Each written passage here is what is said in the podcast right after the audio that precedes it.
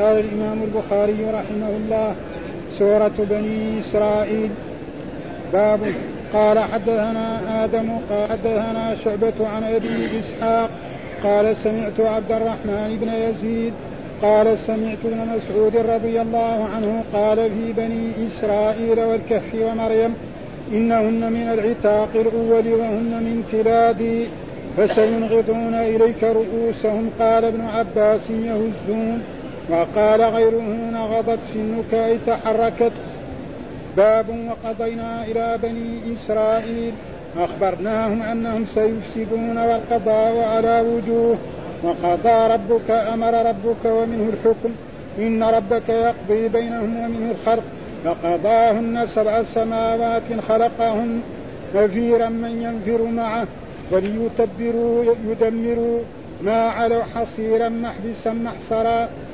حق وجب ميسورا لينا قطعا إثما وهو اسم من خطئت والخطأ مفتوح مصدره من الإثم خطئت بمعنى أخطأت تخرق تقطع.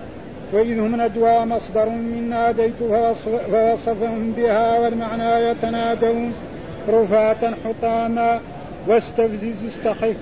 بخيلك الفرسان والرجل الرجالة واحدها راجل مثل صاحب وصحب وتاجر وتجر حاصبا الريح العاصف والحاصب أيضا ما ترمي به الريح ومنه حصب جهنم يرمى بها يرمي, يرمي, يرمى به في جهنم وهو حصبها ويقال حصب في الأرض ذهب والحصب مشتق من الحصباء والحجارة تارة مرة وجماعته تيرة وتارات.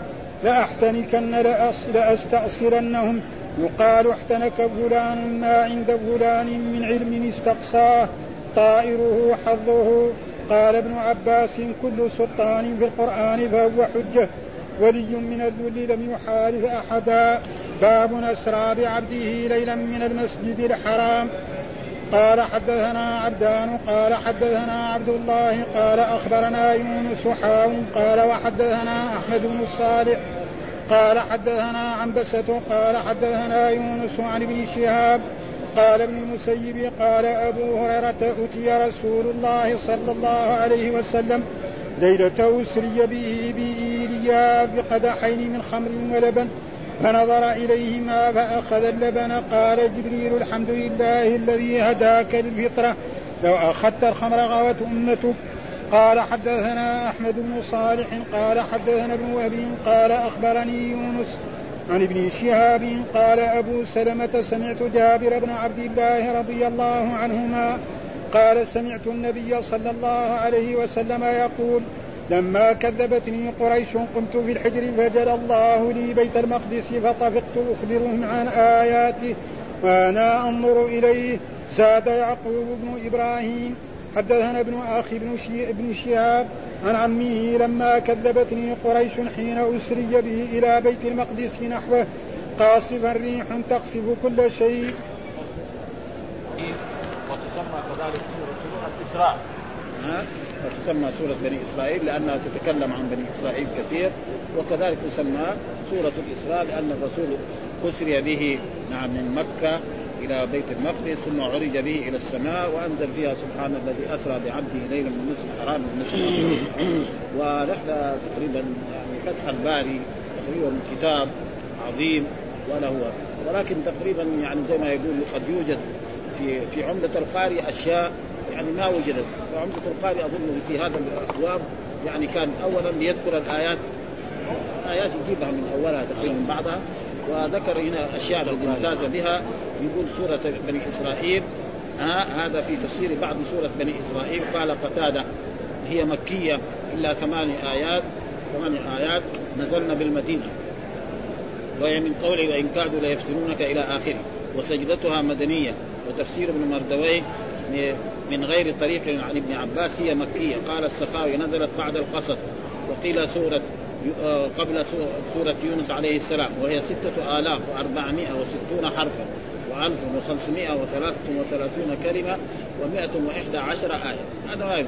آه لم ثم ذكر حدثنا آه البصرة باب حدثنا آدم قال حدثنا شعبة عن أبي إسحاق قال سمعت عبد الرحمن بن يزيد قال سمعت ابن مسعود رضي الله عنه قال بني إسرائيل والكهف ومريم إنهن من العتاق الأول وهن من تلادي. إيش معنى العتاق؟ ها؟ العتاق يكون هنا بكسر العين المهمله وتخفيف التاء المثنات من فوق جمع عتيق والعرب تجعل كل شيء بلغ الغاية في الجودة عتيقا. ها؟ يعني هذه السور يعني سورة بني إسرائيل التي هي سورة الإسراء والكهف والمريم يعني بلغت من يعني آه كل شيء مبلغ الغاية في الجودة في الجودة. ليه؟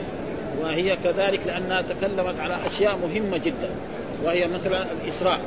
ها لأن الإسراء غريب. شخص من مكة يروح في ليلة إلى بيت المقدس ويعرض به ويرجع في ليلته. هذا شيء ما مستحيل تقريبا. ها ولاجل ذلك لما الرسول اخبرهم بذلك. قالوا هذا نحن نروح شهر ونرجع شهر. هذا في ليلة ثم في بعض روايات الحديث أن فراش الرسول صلى الله عليه وسلم يعني لا يزال دافي. زي الإنسان لما في أيام الشتاء يكون نايم تحت بطانية ثم يذهب لقضاء حاجته يبول أو يتغوط يرجع لسه المكان دافي. آه. أما لو سافر إلى محلات بعيدة راح إلى المسجد ساعتين يمكن يجي فهذا شيء. هذه يعني قصة عجيبة. فهذه يعني العتاق يعني شيء عجيب الشيء الثاني العتيق في الكهف قصة مثلا أهل الكهف. أو الفتح الكهف قالوا ربنا آتنا من لدنك رحمة وهيئ لنا من أمرنا رشدا فضربنا على آذان الكهف عدل. ثم بعد ذلك إلى آخر القصة. نعم. قصة مريم مرأة تحمل بدون زوج. ها وتجيب بعد ذلك نبي. قصة عجيبة فهذا معنى العتاق. يعني معنى قصة عجيبة هذا معناه يعني يقول تجعل كل شيء بلغ الغاية في الجودة عتيقا يريد تفضيل هذه السورة لما يتضمن مفتح كل منها لأمر غريب وقع في العالم خارقا للعادة وهو الإسراء وقصة أصحاب الكهف وقصة مريم ونحوها وقيل الأول بضم الهمزة وفتح الواو المخففه والأولية إما باعتبار حفظها. يعني إيه؟ يلزم على المسلم يحفظها وباعتبار نزولها لأنها مكية لأنها من السوره المعلومه السورة المدنية نزلت بعدها وقول من تلادي بكسر التاء المثنات هو ما كان قديما. يقال له مال ما له طارف ولا تارف. مثلا هذا مال؟ طارف. فالعتاق معناه يعني كل شيء يعني آه، العرب تجعل كل شيء مبلغ في الغاية في الجودة يسمى عتيق. فلذلك كانت هذه السورة وسورة الكهف وسورة مريم يعني تسمى العتاق لأن فيها قصص عجيبة ويكفي ذلك قصة الإسراء. رجل يخرج يعني في ليلة واحدة يذهب إلى بيت المقدس. نعم ثم يذهب كذلك ويعرج به إلى السماء السابعة وبعد السابعة ويعود من ليلته إلى ولذلك الرسول لما حدثهم كذبوه بعضهم ارتد عن الإسلام. وأما أبي بكر لما قيل له ذلك قال صدق لأن أنا صدقت بما هو أعظم من ذلك. فلأجل ذلك كانت تسمى هذه السور العتاب ثم قال قال ابن عباس فسينبضون إليك رؤوسهم ويقولون متى هو؟ ها؟ لأن الآية بيجيبها الآية قل كونوا حجارة أو حديدا أو خلقا مما يكون في صدوركم فسيقولون من يعيدنا. قل الذي فطركم أول مرة فسينبضون إليك رؤوسهم ويقولون يعني كذا جزء سخرية. كلام فارغ. ها؟ يعني كلام فارغ. يعني من يعيد بعد ما نموت ونكون في التراب وتتفتت العظام هذه كمان هذا فالله يقول ها؟ هو الذي فطركم أول مرة. مين اللي خلقكم؟ مين اللي خلقك أيها الكافر وأيها المشرك؟ الرب سبحانه الذي بدا ولذلك القرآن دائما يقول وهو الذي يبدأ الخلق ثم يعيده وهو أهون عليه. زعم الذين كفروا أن لن يبعثوا قل بلى وربي لتبعثن ثم لتربؤن بما عملتم وذلك عظيم فسينغضون إليك رؤوسهم يعني يحركون رؤوسهم. اما كذا ولا كذا يعني على على وجه السخرية. زي ما قالوا لشعيب إنك أنت الحليم الرشيد. الحليم الرشيد ما هو يعني يعني إنه حليم. طيب ها؟ معناه يعني سخرية واستهزاء. وكذلك هنا فيقول إيه؟ فسينقضون إليك رؤوسهم يهزون إليك رؤوسهم. وقال غيره نقضت سنك أي تحرك. بعض الرواية يقول مثلا فلان نقضت سنه معناه تحركت صارت تخلخلت. وكذلك هم يحركوا رؤوسهم كذا آه لما يقول لهم آه قل كونوا حجارة الله رد عليهم قل كونوا حجارة أو حديدا أو خلقا مما يكبر في مو تصير يعني بني آدم يعني لحم وعظم وعصب وهذا. لا يصيروا جبال حتى. الله إذا يريد يعيدكم يعيدكم. ها أو حديدا قطعة من الحديد يعني. ها؟ فسيقول من يعيد قل الذي فطركم. من يعيد قل الذي فطركم. فطر بمعناه خلق. ومن ذلك الحمد لله فاطر السماوات والأرض. ها؟ معناه خالق السماوات على غير مثال سابق. هذا معنى. ولذلك للرجل مثلا إذا كان حفر بئر يقول هذه البئر فطرتها. وإذا كان لا كانت فيها تراب ونظفها ما يقول فطر. يقول إيه؟ آه صلحتها. فهذا معناه وسينقضون اي ها؟ قال ابن عباس في تفسير قوله فسينقضون أي يهزون ويحركون وكذا رواه الطبراني الطبري من طريق علي بن أبي طلحة وروى من طريق العوف عنه. قال يحركون رؤوسهم استهزاء. وقوله. وقال غيره قال غير ابن عباس منهم أبو عبيده فإنه يقال نقضت سنه أي تحركت وارتفعت من أصلها ومعنى أن النبي صلى الله عليه وسلم أمر أن يقول المشركين الذين يقولون من يعيدنا؟ قل الذي فطركم أي خلقكم أول مرة قادر على أن يعيدكم. فإذا سمعوا ها ينبضون إليك رؤوسا متعجبين مستهزئين. ثم بعد ذلك كذلك الآية اللي بعدها وقضينا إلى بني إسرائيل أي اخبرناهم ها والآية التي فيها وقضينا إلى وقضينا اسرائيل انكم تفسدون الكتاب لتفسدن في الأرض مرتين إلى بني إسرائيل لتفسدن في الأرض مرتين ولتعلن علوا كبيرا. فإذا جاء وعد أولاهما بعثنا عليكم عبادا لنا أولي بأس شديد فجاسوا خلال الديار وكان وعدا مفعولا ثم رددنا لكم الكرة عليهم وأمددناكم بأموال وبنين وجعلناكم أكثر نفيرا. يعني معنى الله يقول وقضينا إلى بني إسرائيل لتفسدن في الأرض مرتين. ها؟ وهذا قبل بعثة الرسول محمد صلى الله عليه وسلم أن بني إسرائيل أفسدوا مرتين. أفسدوا مرة وربنا أعانهم على أعدائهم وتغلبوا عليهم. ثم بعد ذلك أفسدوا ثم وبعد ذلك كذلك صار فيهم الفساد إلى يوم القيامة. ويقول تفسدون في الأرض ولا تعلن علوا كبيرا. يعني يحاربوا ناس وينتصروا عليهم ها؟ فإذا جاء عدوهم بعثنا عليكم عبادا لنا أولي بأس شديد. فجاسوا خلال الديار وهو بخت نصر جاء هناك وعذبهم وأهلكهم وخرب بيت المقدس وفعل ثم بعد ذلك كذلك رد عليه. هذا هو التفسير له. ولكن سمعنا بعض الناس الجدد المثقفين ثقافة حديثة يقول هذا يمكن يكون. وهذا ليس ببعيد. مثلا معروف أن القرآن أخبرنا ان أنه في آخر الزمان سينزل إيه؟ عيسى نعم ويقتل الدجال و ويقتل حتى أن جميع الأشياء تقول يا يا مسلم هذا خلفي نعم يهودي تعال اقتله ها؟ والآن في هذه الأيام شوف اليهود يتجمعون تقريبا في جهة فلسطين وليس ببعيد أن يكون هذا هو القريب. هذا السنة في الأرض مرتين. فبعد ذلك ربنا ينصرهم ويؤيدهم ثم بعد ذلك وبعد ذلك خلقوا إلى يومنا هذا وهم يعني وهذا معناه قضينا إلى بني إسرائيل. هنا قضينا يقول أخبرناهم. ها يعني أخبرهم الله عن طريق الرسل. نعم. لتفسدن في الأرض مرتين ولا تعلون فأخبرناهم أنهم سيفسدون والقضاء يعني قضى هذه المادة التي هي المصدر قضاء أو قضي قضى بالفعل الماضي له على أوجه. فذكر هنا في نفس البخاري ثلاث أوجه. وقضى على وجه وقضى ربك. قضى ربك ألا تعبدوا إلا إياه. معناه هنا إيه؟ أمر. قضى ربك معناه أمر وهناك مرات يجي بمعنى الحكم. إن ربك يقضي بينهم يوم القيامة. بمعنى إيه؟ يحكم بينهم. ها؟ وكذلك ومنه الخلق. فقضاهن سبع سماوات في يومين. معنى إيه؟ خلق. ها؟ وذكر عادة يعني تقريبا العين. هنا عدة معاني. يقول ذكر ذكر يمكن عشر معاني غير هذا ونحن نقرأها برضو لعلنا نستفيد منها في, في هذا ها؟ يقول هذا القضاء في هذا الكتاب وقضينا إلى بني إسرائيل أخبرناهم وكذا فسره أبو عبيد ويقال معناه أعلمناهم إعلاما قاطعا والقضاء على وجوه أشار بهذا إلى أن لفظ القضاء يأتي لمعان كثيرة وذكر منها ثلاث الأول القضاء بمعنى الأمر كما في قوله تعالى وقضى ربك الثاني أنه بمعنى الحكم وفي قوله تعالى إن ربك يقضي بينهم يوم القيامة أي يحكم الثالث بمعنى الخلق. كما في قوله فقضاهن سبع سماوات أي خلقهن. وفي بعض النسخ آه، بعد بعد سبع سماوات بعد سبع سماوات خلقهن. هذا وذكر بعضهن معاني معاني جملتها ثمانية ثمانية عشرة وجها.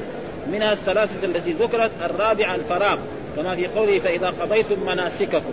يعني إيه؟ إذا فرغتم من مناسككم أي إذا فرغتم. الخامس الكتابة. كما في قوله فإذا قضى أمرا أي كتب. ها؟ السادس الأجل كما في قوله تعالى فمنهم من قضى نحبه. يعني مات ها؟ السابع الفصل كما في قوله لقضي الأمر بيني وبينكم. الثامن المضي كما في قوله يقضي الله أمرا كان مفعولا. التاسع الهلاك كما في قوله آه قوله لقضي إليهم أجلهم. العاشر الوجوب كما في قوله لما قضى الأمر. آه الحادي عشر الإبرام كما في قوله في قوله تعالى إلا حاجة في نفس يعقوب قضاها. الثالث الوصية كما في قوله وقضى ربك ألا تعبدوا إلا معنى أوصى. إن قضى ربك برضو أوصى. هذا. يعني الأمر المؤكد. ولذلك من بعد وصية يوصى أوصاكم بها معناه يعني الأمر المؤكد. الثالث عشر آه الموت. كما في قوله فوكزه موسى فقضى عليه. قضى عليه معنى إيه؟ موته. ضربوا على صدر موسى عليه السلام القبطي وطاح في الأرض ميت. وما دروا بعد ذلك جو وجدوا إنه ميت.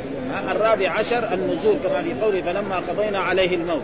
يعني لما أنزلنا عليه الموت ما دله على الموت إلا دابة الأرض تاكل من سعد.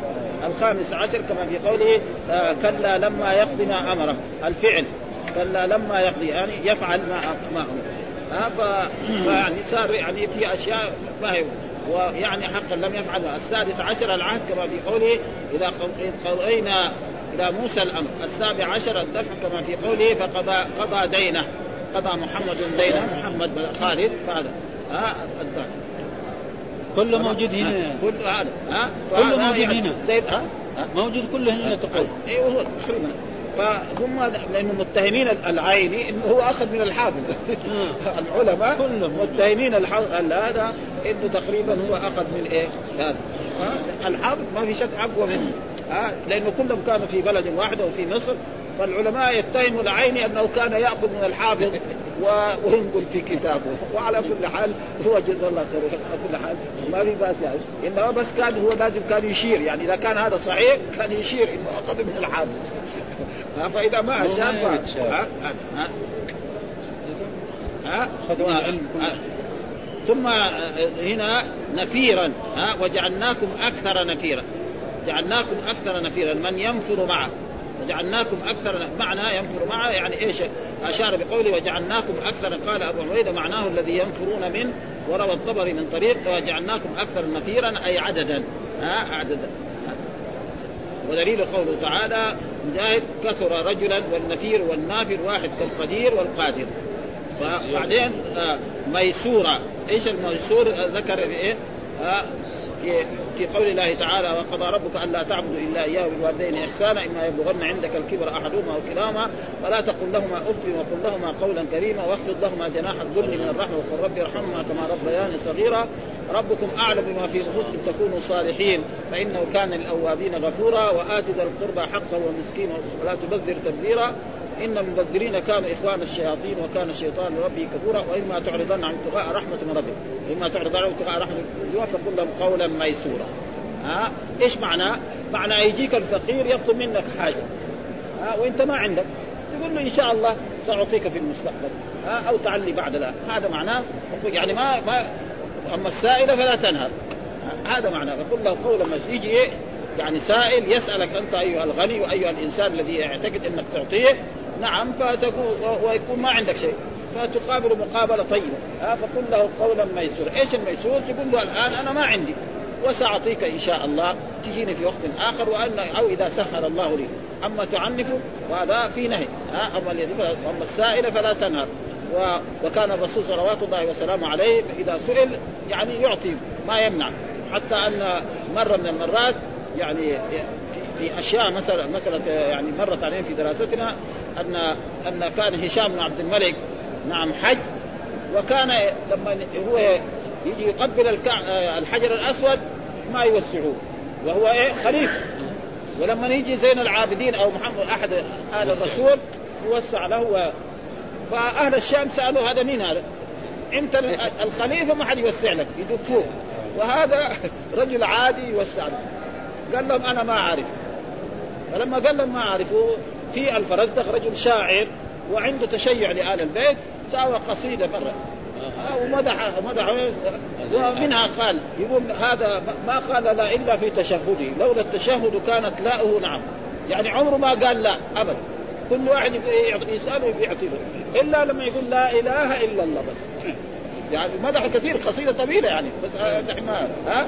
هذا ابن كذا ابن كذا ومنها يقول ما قال لا إلا في تشهد.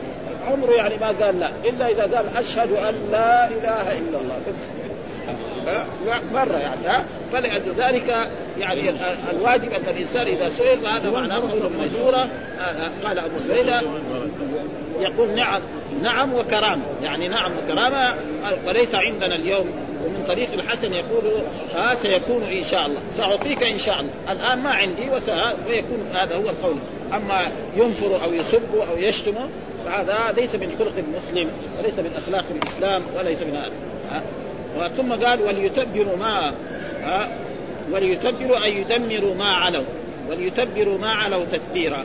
يعني يدمروا ها الشيء الذي ينتصروه يدمروه ما علوا ها وهذه الآية قول ليتبروا ما علوا تدبيرا وفسره وليتبروا قولي يدمروا من التدمير وهو الهلاك من الدمار وهو الهلاك. ما علوا أي ما غلبوا عليه من بلادكم والجمله في محل نص لانها مفعول ليتبروا.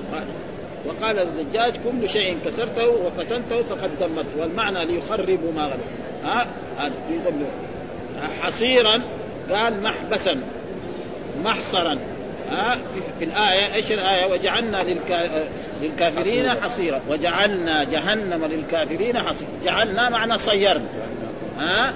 جعلنا معنى صيرنا جهنم هذا المفعول الأول وحصيرا هو المفعول الثاني وفسر حصيرا بمعنى يعني جعلنا محبس للإيه؟ للكفار. فإن الكفار فين يبغى يكونوا مقامهم وحبسهم؟ ها الحبس المهم هناك. ها ويستمر الحبس هذا مستمر. فإن يعني الكافر لا يخرج من النار. اسمع قال الله تعالى في في آيات لا يموت فيها ولا يحيا. ها كلما نضجت جلود بدلناهم جلودا غيرها أما المؤمن إذا دخل النار وأحرقته النار نعم يقعد فيها المدة التي شاء الله. ثم بعد ذلك يخرج إما بشفاعة الرسول صلى الله عليه وسلم محمد أو غيره من الأنبياء والرسل والصالحين وإما أن الله يكرمه بهذا.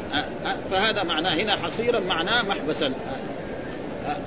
ثم ذكر حق وجب. ها إيش معنى؟ فحق عليها القول. ها فحق عليها يعني إيه؟ القرية الظالمة. ها الحق حق عليها القول يعني قرية من القرى نعم دعاهم الرسل إلى عبادة الله ونهوهم عن الشرك وحذروهم وامرهم بالإيمان فكذبوا الرسل وعصوا الله فإيش بعد ذلك يفعل الله بهم؟ نعم ينزل بهم يعني يجب عليهم العذاب كما حصل للمكذبين للرسل آه كقوم هود وقوم صالح وقوم صالح آه ويكفي ذلك يعني قصة يعني التي في سورة يونس نعم. عززنا نزل قالوا لك قالوا ما أنتم إلا بشر مثلنا وما أنزل الرحمن من شيء. إن أنتم إلا تكذبون. قالوا ربنا يعلم إنا إليكم مرسلون وما علينا إلا البلاغ المبين. قالوا إنا تطيرنا بكم لئن لم تنتهوا لنرجمنكم وليمسنكم منا عذاب أليم. قالوا طائركم معكم إن ذكرتم بل أنتم قوم مسلمون. وجاء من أقصى المدينة رجل يسعى قال يا قوم اتبعوا المرسلين. اتبعوا من لا يسألكم أجرا.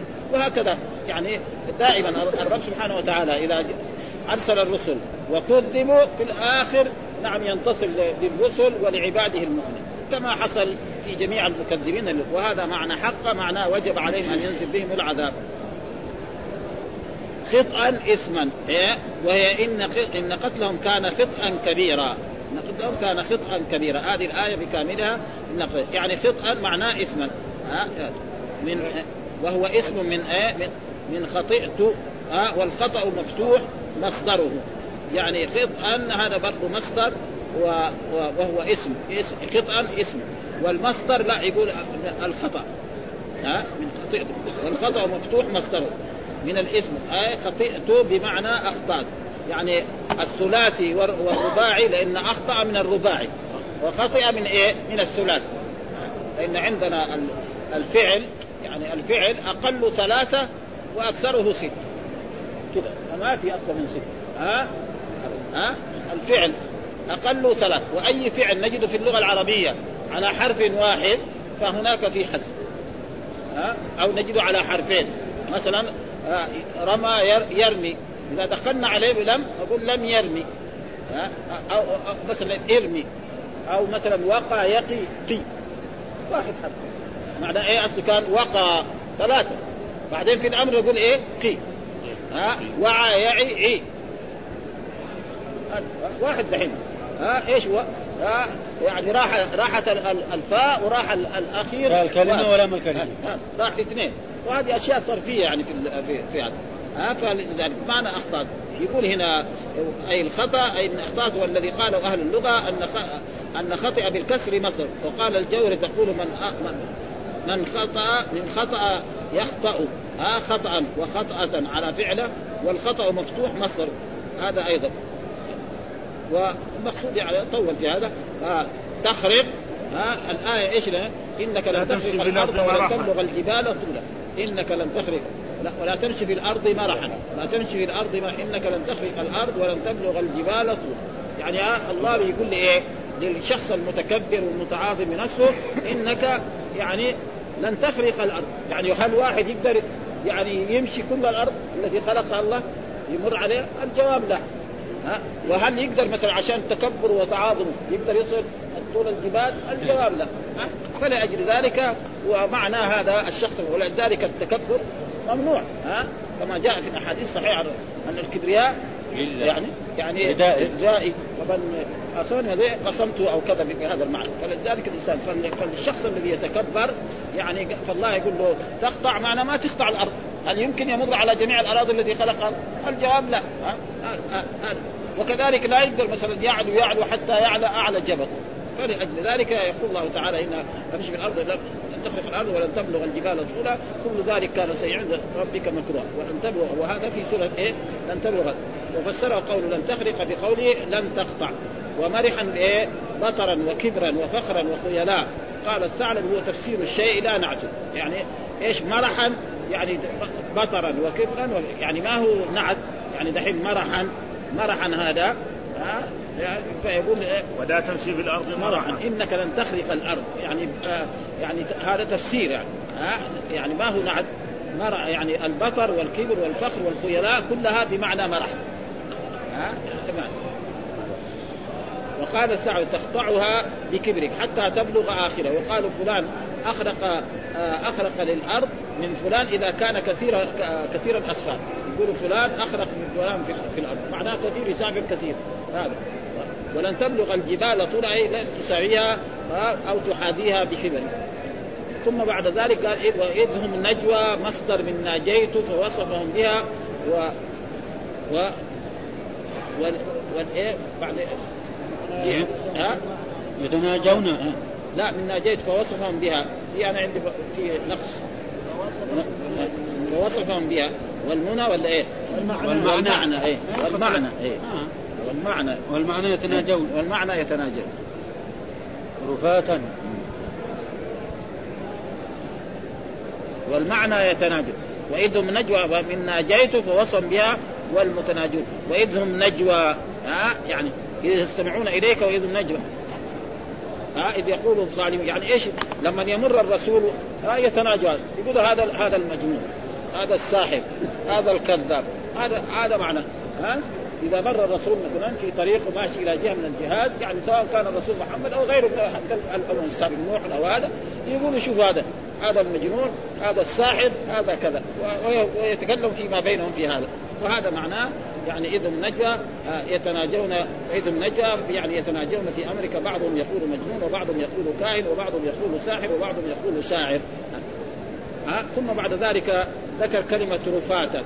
ها رفاتا إيش معناه؟ يعني في, في الآية حطاما يعني إيش هي الآية؟ يعني قل كونوا حي... آه عظاما ورفاتا كونوا عظاما ورفاتا. ها؟ ها؟ عظاما ورفاتا. إيش الرفات؟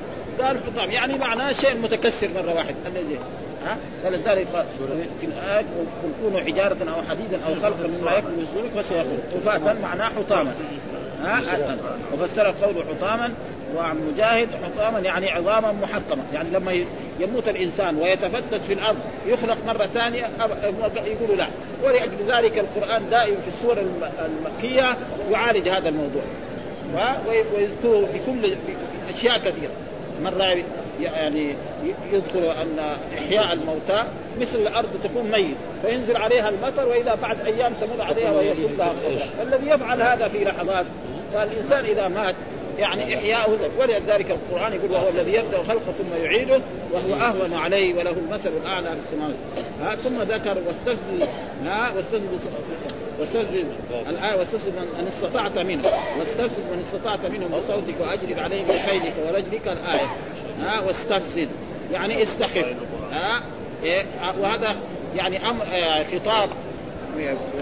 أو أمر من الرب سبحانه وتعالى لأنه يعني آه، إبليس ابى أن يسجد لآدم. والله أمره أن يسجد لآدم فابى قال اسر ما خلقت فينا قال أرأيتك هذا الذي كرمت عليه؟ لئن أخرتني إلى يوم القيامة لاحتركن ذريته إلا قليلا. قال فمن تبعك منهم فإن جهنم جزاؤكم جزاء موفورا. واستفزز من استطعت منهم بصوتك واجلب عليهم بخيلك ورجلك وشاركهم في الأموال والأولاد. وعدهم ما يعدهم الشيطان إلا غرور ثم قال إن عبادي ليس لك عليهم سلطان. في ناس ما تقدر عليهم ابدا. وهو بنفسه اعتذر. ها؟ يعني ذكر انه في ناس ما يقدر عليهم مهما فعل. ولذلك أستاذ يعني بخيلك إيش خيلك؟ معنى الفرسان. معناه جماعة. يعني قد يكون عندهم يعني فرسان آه الجماعة الذي إيه؟ وبعضهم قال لا. يا سعد بصوتك واجلب عليهم بخيلك الآية آه تفسير أبي عبيدة أمر تهديد. ومنهم أي من ذرية آدم. بصوتك قال بدعائك إلى معصية الله. آه هذا بإيه؟ نعم. يعني بصوتك يعني بدعائك إلى معصية الله. قال ابن عباس وقتادة كل داع إلى معصية الله فهو من جند إبليس وعن مجاهد بصوتك بالغناء والمزامير وهذا كثير. ها؟ تجد ناس يعني يشغلهم بإيه؟ بهذه الأشياء. حتى أصبح في عصرنا هذا يعني اسمه فن. شخص إذا ولده ولا قريبه يعني يعني رجل مغني وهذا يقول اسمه فن وأن له من المصالح الشيء الكثير يمكن يحسن من الدنيا. ها؟ ومعلوم أن الغنى وهذا فيه أضرار كثيرة يعني.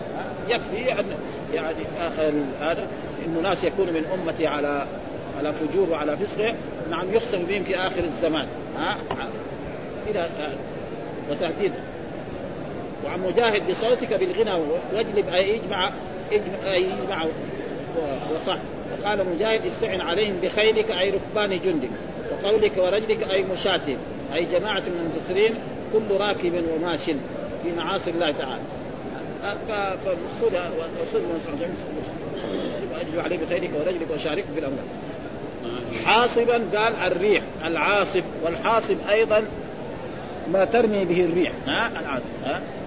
والآية أو يرسل عليكم حاصبا ثم لا تجدوا لكم وكيلا ها؟ يرسل عليكم حاصبا ثم لا تجدوا لكم وكيلا. قال فسر الحاصب بالريح العاصف وفي التفسير حاصبا أي حجارة تمطر من السماء عليكم. وما أمطر على قوم لوط. ها؟ فإن قوم لوط بعضهم آه، جبريل أخذ قراهم الخمسه حتى علا بها إلى قريب من السماء ثم كفى فما وصل احد الأرض. والذين كانوا خارج المدن هذه كل واحد يجيله حجر يضربه في رأسه فيموت.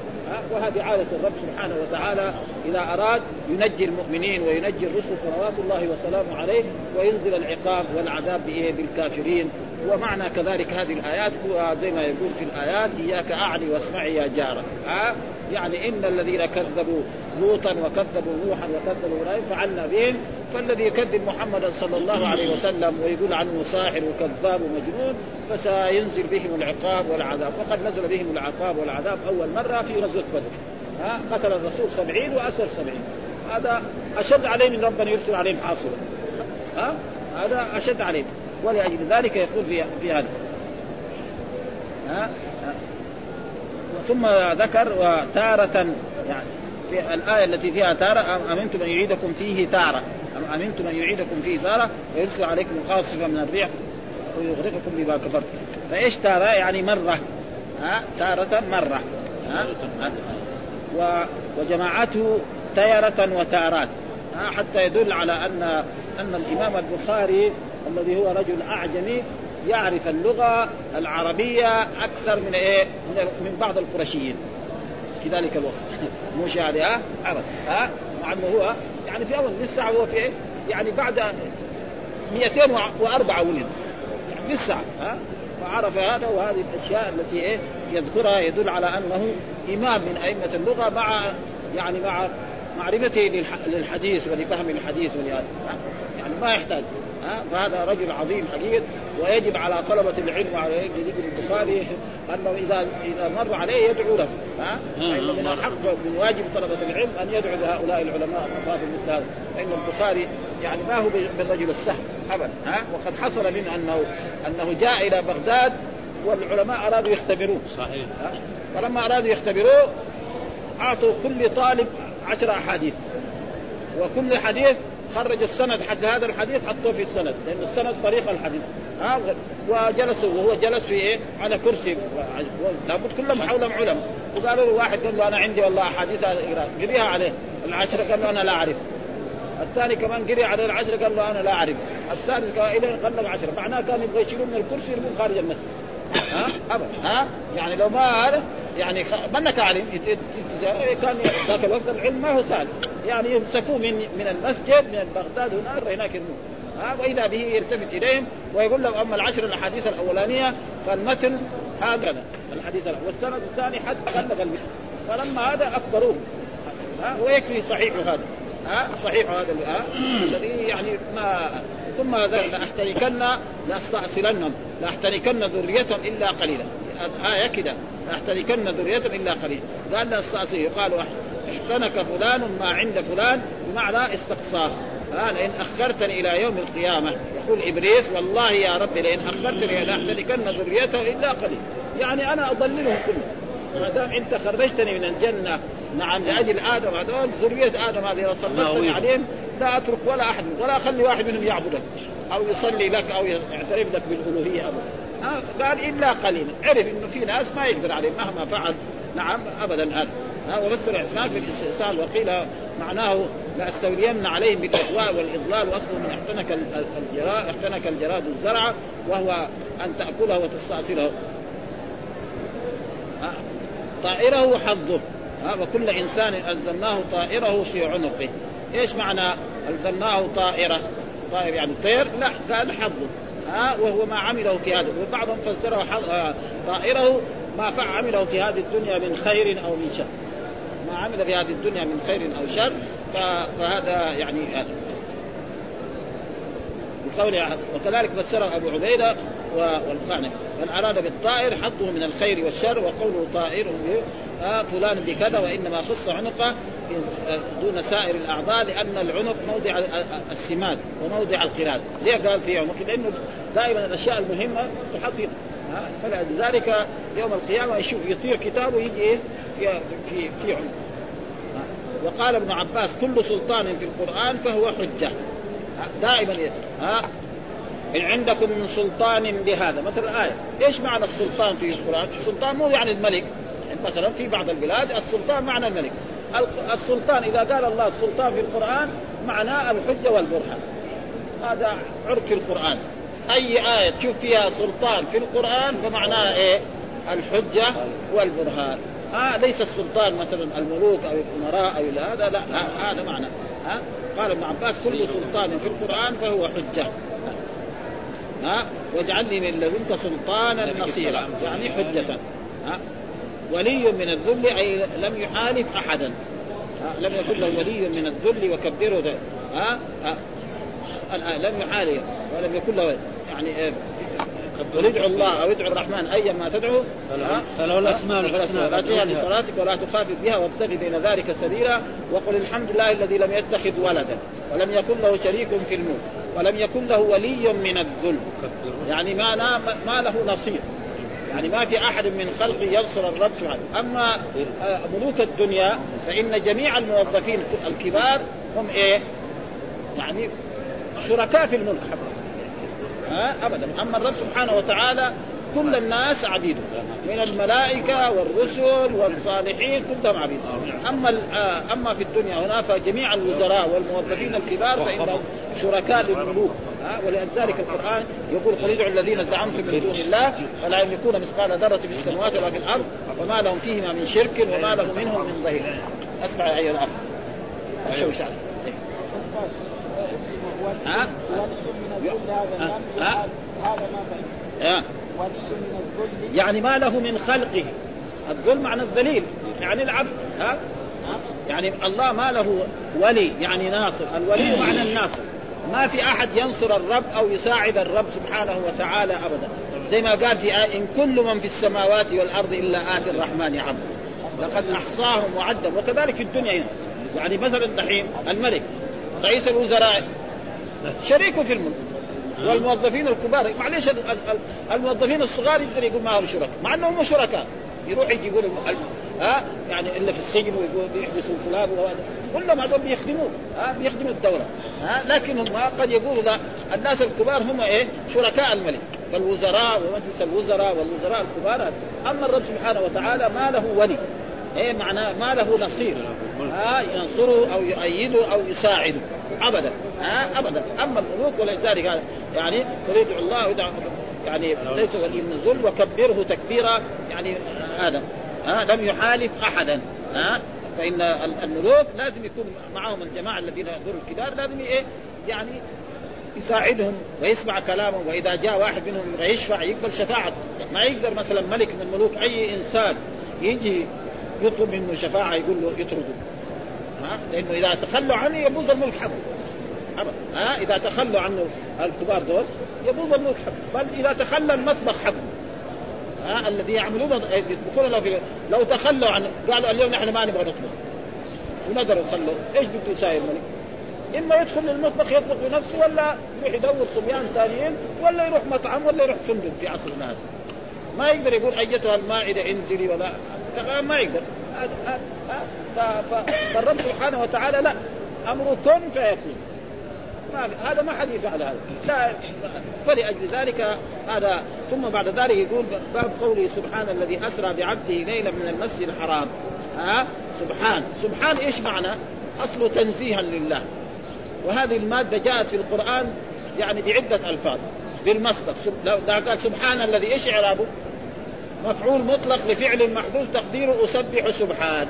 ولا يجوز ذكر الفعل. كده. يعني ها؟ سبحان. جاء في القرآن سب سبح اسم ربك الأعلى. جاء يسبح لله. ها؟ جاء سبح لله. كل موجود في القرآن. ها؟ سبح اسم ربك الأعلى. ها؟ سبح باسم ربك العظيم يسبح لله ما في السماوات سبح لله ما في السماوات. إيش معناه؟ التنزيه. ها؟ ها؟ التبرئه هذا معناه. قال سبحان الذي أسرى بعبده ليلا من المسجد الحرام إلى المسجد الأقصى الذي باركنا عنه سبحان الذي أسرى بعبده. مين العبد هذا؟ الرسول محمد صلى الله عليه وسلم. وذكروا هنا بأعظم صفة من صفات الرسول صلى الله عليه وسلم. ولأجل ذلك في مقام المدح يذكر بايه؟ بهذا المدح. فمثلا شوف هذا يقول سبحان الذي ما الرجل ما قال سبحان الذي أسرى بنبيه أو برسوله. ها؟ بعدين السورة اللي بعدها الحمد لله الذي أنزل على عبده الكتاب. وإن كنتم في ريب مما نزلنا على عبد. لأنه أكبر عبد وأعظم عبد عرف ما لله هو الرسول محمد. الدرجه الأولى ما ما في واحد يصل إليه في العبودية. ها؟ ولذلك القرآن يقول لن يستنكف المسيح أن يكون عبدا لله ولا الملائكة المقربون من يستنكف عن عباده. ها؟ بعبده ليلا. ها؟ ليش قال ليلا؟ يقول ليلا لأنه الاسره ما يكون إلا ليل. دائما. يعني واحد لما يسافر في النهار ما يقول اسرى يقول سافر. واحد يسافر الظهر يقول سافر محمد. أما إذا سافر في الليل يمكن يقول اسرى ولذلك ما يحتاج ليل. لكن ليه ظرف زمان قال ليلا ها من المسجد الحرام، المسجد الحرام يعني من مكة إلى المسجد الأقصى. في ليلة واحدة ويعود الرسول. ها إلى الأرض التي باركنا حوله وهي إيه؟ بيت المقدس ويعود من ليله ولذلك قال يعني سبحان الذي أسرى بعبده ليلا من المسجد الحرام. قال سبحان الله قال آية وسبحان علم للتسبيح. يعني علم للتسبيح زي ما يقول. بر علم للبر زي ما يقول علم جنسي. لأن العلم على نوعين عندنا في اللغة العربية. علم شخصي زي محمد وخالد وبكر ومحمود وصالح. هذا يسمى علم إيه؟ شخصي. علم آه آه جنسي. يعني جنسي مثل إيه؟ مثلا آه يعني بره للمبره وفعالة للثعلب وهذه الأشياء يسمى يعني علم للثعلب والمعنى سبح الله تعالى وأسرى وسرى لغتان. يعني الرباعي والثلاثي بمعنى واحد. أسرى بعبده وأسرى بعبده. يعني لا فرق بين الاثنين. بس هذا على أربع أحرف وهذا على ثلاثة أحرف وليلا نصب العدد وإنما ذكر ليلا بالتنكير وإن كان لا يكون إلا ليلا إشارة إلى تقرير مدة الإسراء. لأن الرسول ذهب يعني خرج من مكة إلى بيت المقدس ثم عرج به إلى السماء وصلى بالأنبياء وعاد في ليلة هذا ما يمكن. ولذلك الرسول لما أخبرهم بعضهم ارتد قال نحن نروح شهر ونرجع شهر. تروح في ليلة واحدة وترجع. هذا مو صحيح. وقالوا لابي بكر الصديق إن صاحبك تعال. شو اسمع صاحبك إيش يقول هذا؟ يقول إنه قال لهم صادق. أنا صدقت بما هو أعظم من هذا. خبر السماء يعني. ها؟ فلأجل ذلك فالإسراء هذا كان فتنة يعني. بعضهم ارتد عن الإسلام. لأنه ها وبعضهم أسلم. ابدا وحسن اسلامه لأنه ثم بعد ذلك ساووا إيه؟ طيب راح ليلا قال له طيب صف لنا بيت المقدس. معلوم الإنسان لما يروح بلد في الليل. بالليل فإذا الله ياتي ببيت المقدس قدام. كل ما يسالوا شيء الرسول يجاوب يقول سيأتي حديث أنه في أمام الحجر. هو واقف وبيت المقدس يعني زي زي الالات الحديث الآن زي التلفزيون. ابدا ها زي التلفزيون الآن. التلفزيون دحين من الرياض يشوفوه في المدينة هنا. يعني مصدر الرياض. الرياض فين؟ بيت المقدس يسألوه عن الشيء الفلاني. هكذا. وأنا أنظر إليه. زاد يعقوب بن إبراهيم حدثنا ابن أخي حتى أنه قال لهم إنه كان في تلك الليلة يعني كان يعني بعير لكم. يعني ضاع وقعدوا يفتشوا عليه. وأنه ستصل القافلة في يوم كذا وكذا إلى مكة ويتقدمها الجمل الاورق، كان الأمر كذلك، بعد أيام وصلت القافية التي كانت في الطريق وكان الجمل الذي وصفه الرسول صلى الله عليه وسلم كان يتقدم هذه؟ والحمد لله رب العالمين وصلى الله وسلم على نبينا محمد وعلى آله وصحبه وسلم.